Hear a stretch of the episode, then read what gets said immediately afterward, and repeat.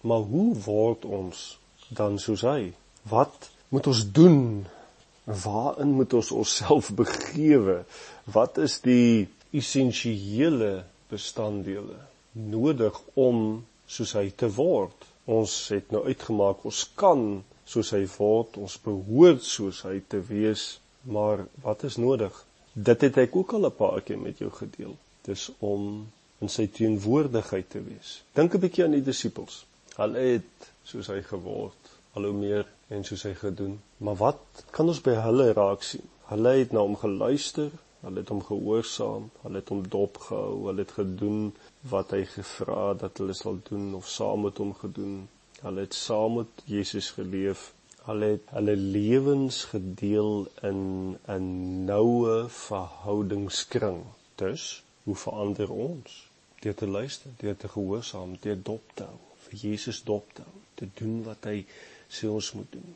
Deur saam met ander te leef om jou lewe te deel in intieme vriende kringe.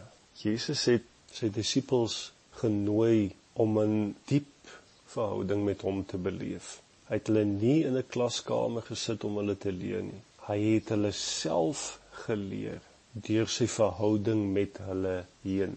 En so in hierdie alledaagse lewe wat hy hulle saamgevat het, het hy hulle nie net kennis gegee nie, maar Jesus het die waarhede en die beginsels van die koninkryk gemodelleer na hulle toe. Jesus het sy lewe, alledaagse lewe, gedeel met hierdie jong disippels. Hulle het saam die strate van Palestina geloop. Hulle het saam bedien. Hulle het saam geëet. Hulle het gesprekke met mekaar gehad, vrae vir mekaar gevra. En so het Jesus geleer, maar ook gemodelleer die koninkrykslewe wat hy leef.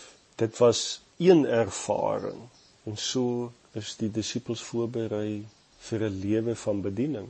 Ja, Jesus het hulle gevat oral waar hy gegaan het, na troues. Hulle het geloop deur koringlande. Hulle het geslaap waar hy geslaap het. Want die hele doel was dat hulle moes blootgestel word aan alle lewenssituasies en ook verskillende bedieningssituasies. Hulle het gesien hoe hy verskillende situasies hanteer het. Want hy het die gees in hom gehad en hulle het tyd met hom spandeer in al hierdie elke dag se situasies in verhouding met mense, in konfliksituasies. Hulle het geleer hoe hy dit hanteer.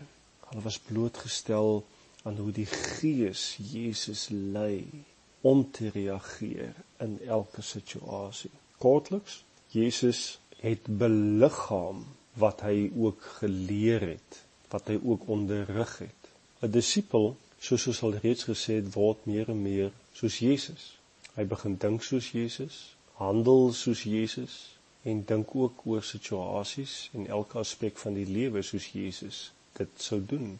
Paulus beskryf dit as jy word getransformeer na die beeld van Christus. En nou vir jou en my om soos Jesus te word beteken om te leer om soos hy te wees in karakter. Maar hierdie leer, ja, is ook 'n kognitiewe oefening, maar dit word begelei deur die Heilige Gees en hierdie kognitiewe oefening wat kennis word, word 'n lewenswyse en dit word bestuur deur sy Gees soos gesê. Dit is stap vir stap agter Jesus aan. So byvoorbeeld as ons Matteus lees, dit is so briljant. Dan begin Jesus eintlik om verhoudinge aan te spreek. Hy het dit destyds met sy disippels gedoen. Dit is neergepen in Matteus spesifiek ook nou. En as ons lees van die eerste dinge wat Jesus onderrig het, het gegaan oor verhoudinge. En hy het die disippels gehelp om te dink en te doen soos hy betreffende die verskillende soort verhoudinge wat daar is.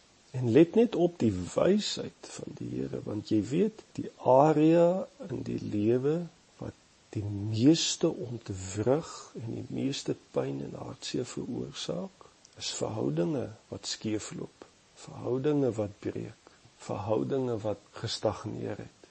En omdat hy 'n God van liefde is, omdat hy 'n God van verhouding is, wil Jesus verhoudinge herstel en hy stel die hemelse kultuur en raad voor hoe verhoudinge aangepak moet word, herstel moet word, genees moet word. Die duiwel wil vernietig, God wil versoen. En nou het jy klaar gehoor dat soos die disippels na Jesus se lewe gekyk het in sy teenwoordigheid was, so kan ek en jy dit ook doen.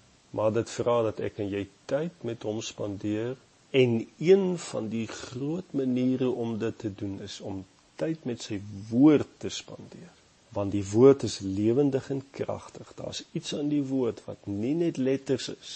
En dit is nie net 'n kognitiewe oefening om te lees nie. Nee. As jy besig is met die woord van God, is jy besig met Jesus. Hy eer sy woord. Sy woord is lewendig. Sy woord is kragtig. Dit is sy woorde. En as jy met hierdie woorde omgaan, hy is nou hier. Hy praat nou hier met my dan verander hy jou. So ja, die disippels was bevoorreg, ja, hulle was by Jesus. Hulle kon aan hom raak. Hulle was in sy teenwoordigheid, maar ons kan steeds. Hy's nie ver nie. Hy's hier in ons. Hy's met ons. Hy's met sy gees oral om ons en in ons en begelei ons. Ons is in sy teenwoordigheid. Laat hy ons verander.